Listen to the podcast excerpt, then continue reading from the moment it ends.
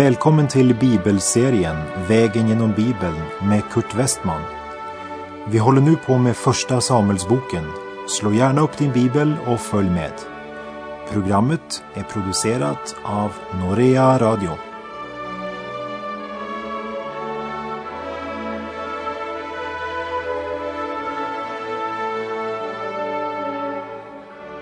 Vi har nu kommit till kapitel 15 i Första Samuelsboken där vi ska se Sauls uppror mot Gud och hur han försöker få profeten Samuels hjälp att bevara fasaden inför folket. Och kapitlet handlar framför allt om Guds dom över Amaleks barn. Men innan vi vandrar genom kapitel 15 ska vi bara repetera något från Andra Mosebok som visar varför Gud var så total i sin dom över Amalek. Vi minns från Andra Mosebok kapitel 17 hur Israel blev angripna av Amalek vid Refidim. Det var första gången vi mötte Israels barn i kamp med yttre fiender. Och vi minns att det var inte Israel som uppsökte Amalek. Men när Israels barn hade druckit av klippan, då kom Amalek och stred mot dem. Och Mose ger följande order till Josua, strid mot Amalek. Och från femte Mosebok minns vi hur Gud genom Mose ger Israel befallning att utrota Amaleks släkt. Och vi repeterar femte Mosebok 25, verserna 17 till och med 19. Kom ihåg vad Amalek gjorde mot dig på vägen när ni drog ut ur Egypten, hur han, utan att frukta Gud, gick emot dig på vägen och slog din eftertrupp, alla de svaga som hade blivit efter medan du var trött och utmattad. Därför när Herren din Gud har låtit dig få ro för alla dina fiender runt omkring i det land som Herren din Gud vill ge dig till besittning som din arvedel, då ska du så utplåna minnet av Amalek att det inte mer ska finnas under himmelen. Glöm inte detta. Här är det viktigt att lägga märke till hur Amalek gick fram när han angrep Israel. I femte Mosebok 25 säger Gud att Amalek angrep genom att komma mot Israel på vägen och Amalek slog till mot eftertruppen, det vill säga mot alla de svaga, mot de trötta, sjuka och utmattade som hade blivit efter under vandringen. Amalek blev driven på flykt vid den första striden som var en öppen strid mellan Amalek och Israel. Men eh, så valde Amalek en ny strategi. Istället för öppen strid så följde Amalek samma väg som Israel vandrade, men på god avstånd. Och när det bildats en grupp av sjuka, svaga och trötta som inte orkade hålla tempot och därför blev efter på vägen, då slog Amalek till mot dem som blivit liggande efter. Och Gud fäller domen över Amalek på grund av denna brutalitet. Därför, sa Herren, ska du så utplåna minnet av Amalek att det inte mer ska finnas under himmelen. Glöm inte detta. Och när Israel nu fått ro för fienderna i löfteslandet så har tiden kommit för Guds straffdom över amalekiterna. Och Herren ger Saul uppdraget att utföra Guds dom. Vi läser första Samuelsbok kapitel 15, verserna 1 till och med 3. Men Samuel sade till Saul det var mig Herren sände att smörja dig till kung över sitt folk Israel. Så hör nu Herrens ord, så säger Herren Sebaot. Jag vill hemsöka Amalek för det som han gjorde mot Israel när han lade sig i vägen för honom när han drog ut ur Egypten. Så dra nu iväg och slå amalekiterna och tillspilloge dem med allt vad de har och skona dem inte, utan döda både män och kvinnor, både barn och dibarn, både fäkreatur och får, både kameler och åsnor. För eh, den som inte känner till amalekiternas historia så verkar denna order brutal och fruktansvärd. Men om amalekiterna hade tillåtits att leva så hade det inneburit mera svårigheter och lidande för Guds folk än någon kan tänka sig. Amalek var fiende till både Gud och till hans folk. Men Saul fullföljde inte orden efter Herrens befallning, utan han sparade några av Amaleks folk. Och när vi kommer till Esters bok så ska vi bli bekanta med några av dem. Bland annat Haman som försökte utrota hela den hebreiska nationen, vilket också hade lyckats om inte Gud ingripit. När vi får Guds perspektiv på Amalek och vad han gör mot Gud och hans folk, då förstår vi bättre Guds omedelbara och direkta handlande.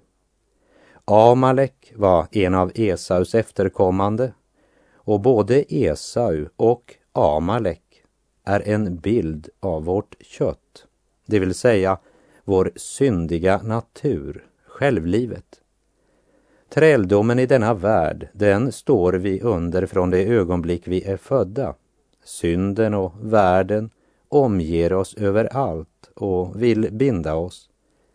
Men eh, striden mot Amalek, kampen mot vår egen onda natur, den kommer som ett resultat av att vi har fått en ny natur. Den striden, den börjar först efter att vi är födda på nytt. En eh, annan orsak till att vår mänskliga natur reagerar mot Guds handlande när han dömer dem som är Guds fiender är att vi ofta inte har förstått hur dödsallvarligt det är att synda och glömmer ofta den fruktansvärda framtid som väntar på den som förkastar Guds nåd och därmed ändar i en evig natt. Som det står i Galaterbrevet 6, vers 7. Låt inte lura er. Gud kan man inte förakta. Vad man sår får man också skörda. Och det fega sätt att angripa som Amalek praktiserade mot Guds Israel under ökenvandringen upptände Guds heliga vrede. Och när tiden var mogen skulle Gud ta itu med Amalek. Och Saul får nu denna uppgift av Gud. Och det vi nu läser om i Första Samuelsboken kapitel 15 är att skördetiden har kommit för amalekiterna. Ingen skulle skonas. I Romarbrevet kapitel 6 och vers 23 står det Syndens lön är döden, men Guds gåva är evigt liv i Kristus Jesus, vår Herre. Vi läser vidare vers 4 till och med 6 i Första Samuelsboken 15. Då kallade Saul samman folket och inmönstrade i Telaim 200 000 man fotfolk och dessutom 10 000 man från Juda. När Saul sedan kom till Amaleks stad anordnade han ett bakhåll i dalen. Men till kainéerna lät Saul säga Skilj er från amalekiterna och dra ned för att jag inte må utrota er tillsammans med dem. Ni bevisade ju barmhärtighet mot alla Israels barn när de drog ut ur Egypten. Då skilde sig kainéerna från amalekiterna. Som vi minns från Domarboken så var kainéerna efterkommande till Moses svärfar. Domarboken 1.16 säger och Kainéens, Moses svärfaders barn, hade dragit upp från palmstaden med juda barn till Judas öken söder om Arad. Och när eh, Israels barn nu varnar kainéerna så att de kan skilja sig från amalekiterna så är det en barmhärtighetsgärning för att de bevisade barmhärtighet mot Israel när de drog ut från Egypten. Vad man sår får man också skörda. Och ingen hednisk nation skulle ha visat denna barmhärtighet vid denna tid i mänsklighetens historia.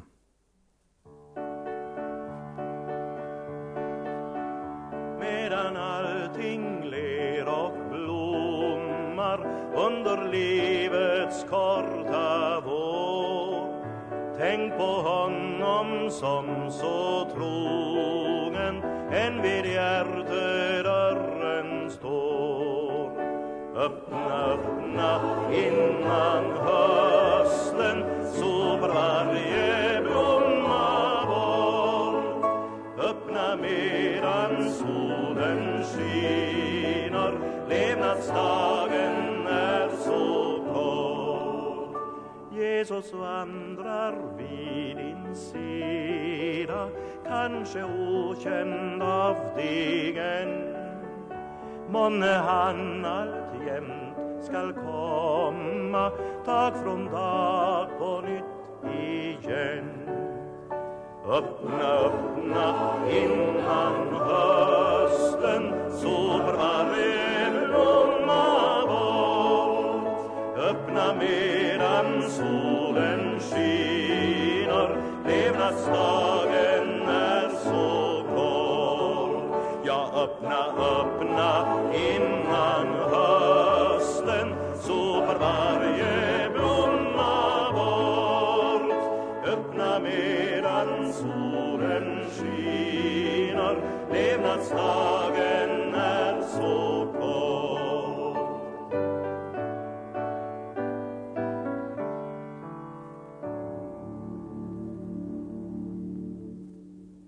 efter att först ha varnat kainéerna så att de kunde skilja sig ut från amalekiterna och därmed rädda sig. Därefter angriper Saul amalekiterna. Och vi läser första Samuels bok 15, vers 7. Och Saul slog amalekiterna och förföljde dem från Havila fram emot Sur som ligger öster om Egypten. Ja, så långt är Saul lydig. Men vi läser vers 8 och 9. Och han tog Agag, Amaleks kung, levande till fånga. Och allt folket till spillo gav han. Och han slog dem med svärd. Men Saul och folket skonade Agag. Likaså det bästa och näst bästa av får och fäkreatur och av lammen. Kort sagt allt som var av värde. Sådant ville det inte till spilloge. All boskap däremot som var dålig och mager till spillogav det. Guds order var, skona dem inte, utan döda både män och kvinnor, barn och dibarn, både fäkreatur och får, både kameler och åsnor.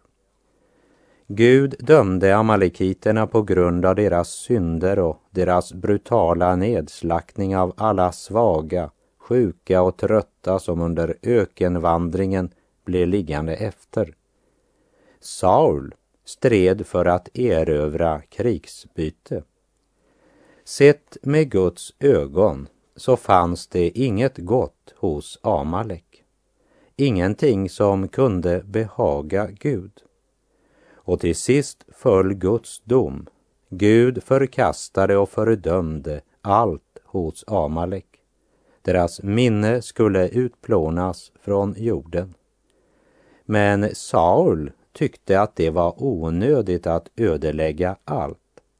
Och när han fick se så mycket bra boskap och alla materiella värden så bedömer han att det är för skadligt att förkasta. Utifrån vad hans ögon såg bestämde han sig för att spara det han tyckte verkade värdefullt istället för att fullfölja Guds order. Därför tar han Agag, Amaleks kung, levande till fånga, en Edoms kung som Gud hade dömt till döden. Dessutom sparade Saul det bästa och det näst bästa av får och fäkreatur och av lammen. Kort sagt, allt som var av värde. Sådant ville det inte till spillo ge, säger vers 9. Saul sparade allt som han tyckte var värdefullt av det som Gud fullständigt hade fördömt. För eh, Saul menade tydligen att han kunde finna något gott i det som Gud fullständigt hade fördömt. Det var Sauls synd.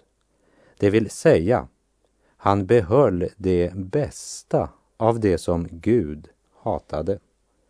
Och Sauls eh, tankegång är inte okänd idag heller, säger Ian Thomas, fackelbärarnas grundläggare. Djävulen kommer om och om igen och viskar i ditt öra att du är då inte så dålig som Bibeln gör dig till.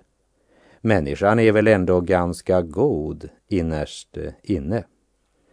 Det måste ju finnas något i den mänskliga naturen som är värt att rädda, även om människan verkar ond ibland. Ja, så tänker många. Men Gud säger något annat. Saul tyckte att Gud gick för långt.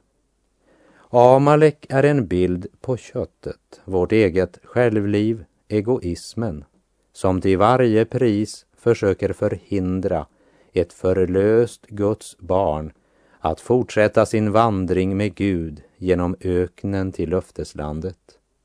Och det är viktigt för oss att veta att Amalek, vårt kött, motarbetar alla försök som den helige Ande gör på att leda dig och mig till andlig mognad och ett rikt andligt liv. Och kom ihåg att om du ingår kompromiss med köttet så går du in i en allians med det som är och alltid kommer att vara i fiendskap mot Gud och som därför leder till evig död. Vi läser första Samuels bok 15, vers 10 och 11. Då kom Herrens ord till Samuel, han sade Jag ångrar att jag har gjort Saul till kung, ty han har vänt sig bort från mig och inte verkställt mina befallningar. Detta gick Samuel hårt till sinnes och han ropade till Herren hela den natten. När det står att Gud ångrade att han gjort Saul till kung så är det ett mänskligt uttryck för Guds missnöje med Sauls sätt att utföra orden Gud givit. Och att det här går profeten Samuel hårt till sinnes, eller som det står i norsk bibel, då blev Samuels vrede upptänd.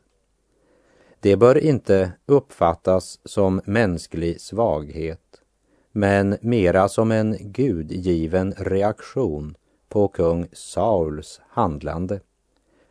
Och profeten Samuel, som är en lydig Herrens tjänare, vet att han måste utföra Guds order. Gud har förkastat Saul och inför morgondagens uppgift, som är allt annat än lätt, så ropar profeten Samuel till Gud hela natten.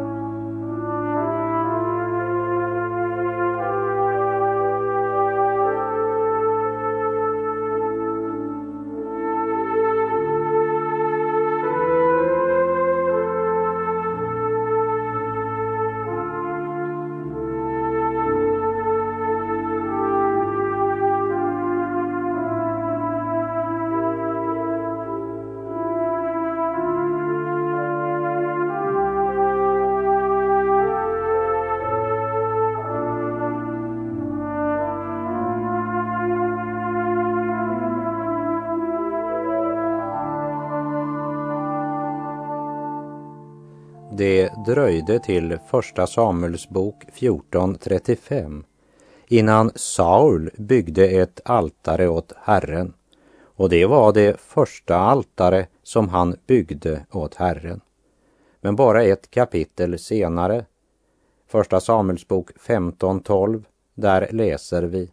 Och tidigt på morgonen steg Samuel upp och gick för att möta Saul då blev det berättat för Samuel att Saul hade kommit till Karmel och där rest en minnesstod åt sig och att han sedan vänt om och dragit därifrån ned till Gilgal.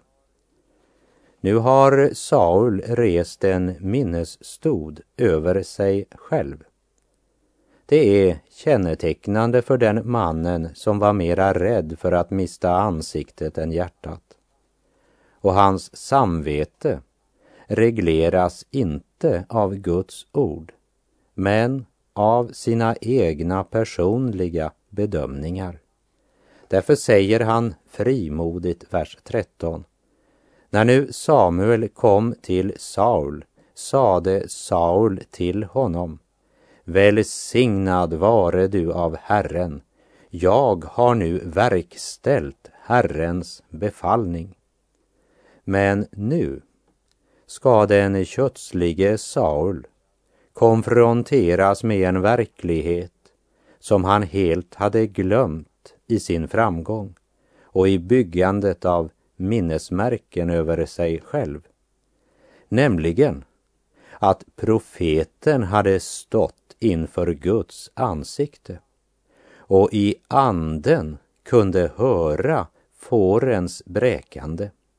Hur långt bort Saul än hade gömt det krigsbyte han behållit mot Guds klara order.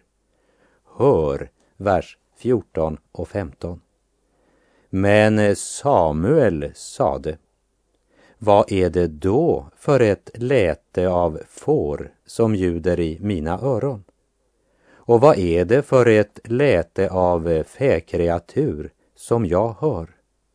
Saul svarade, från eh, amalekiterna har det fört dem med sig, ty folket skonade det bästa av fåren och fäkreaturen för att eh, offra det åt Herren, din Gud.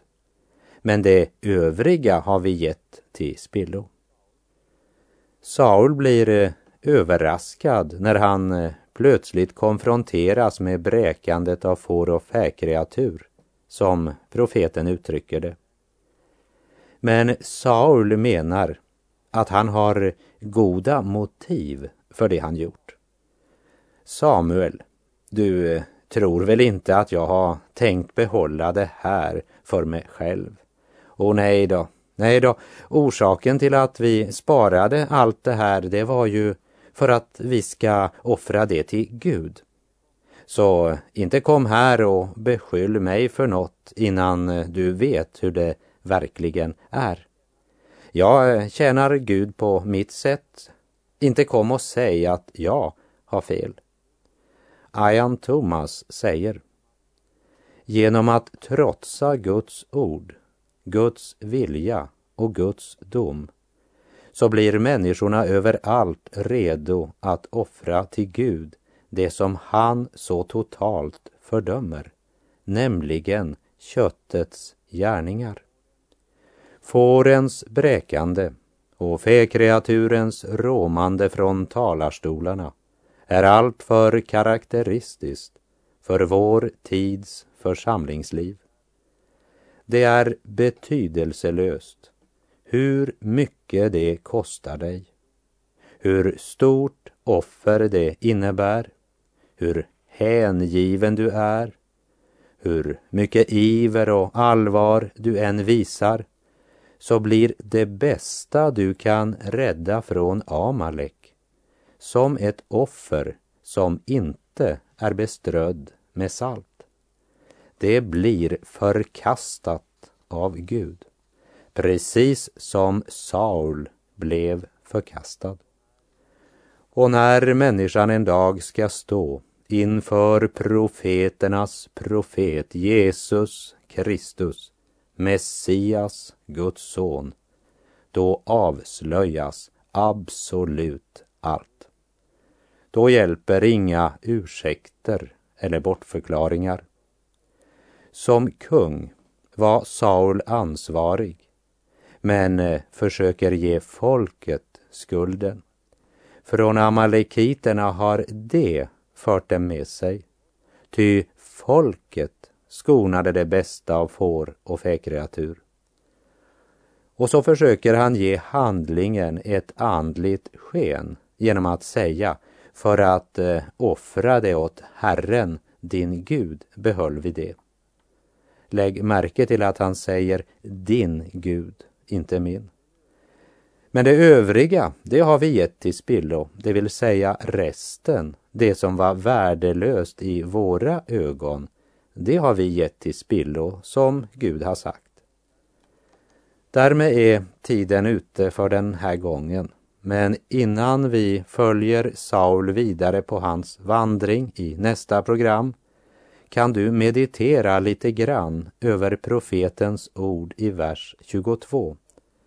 Då sade Samuel, menar du att Herren har samma behag till brännoffer och slaktoffer som till att man hör Herrens röst?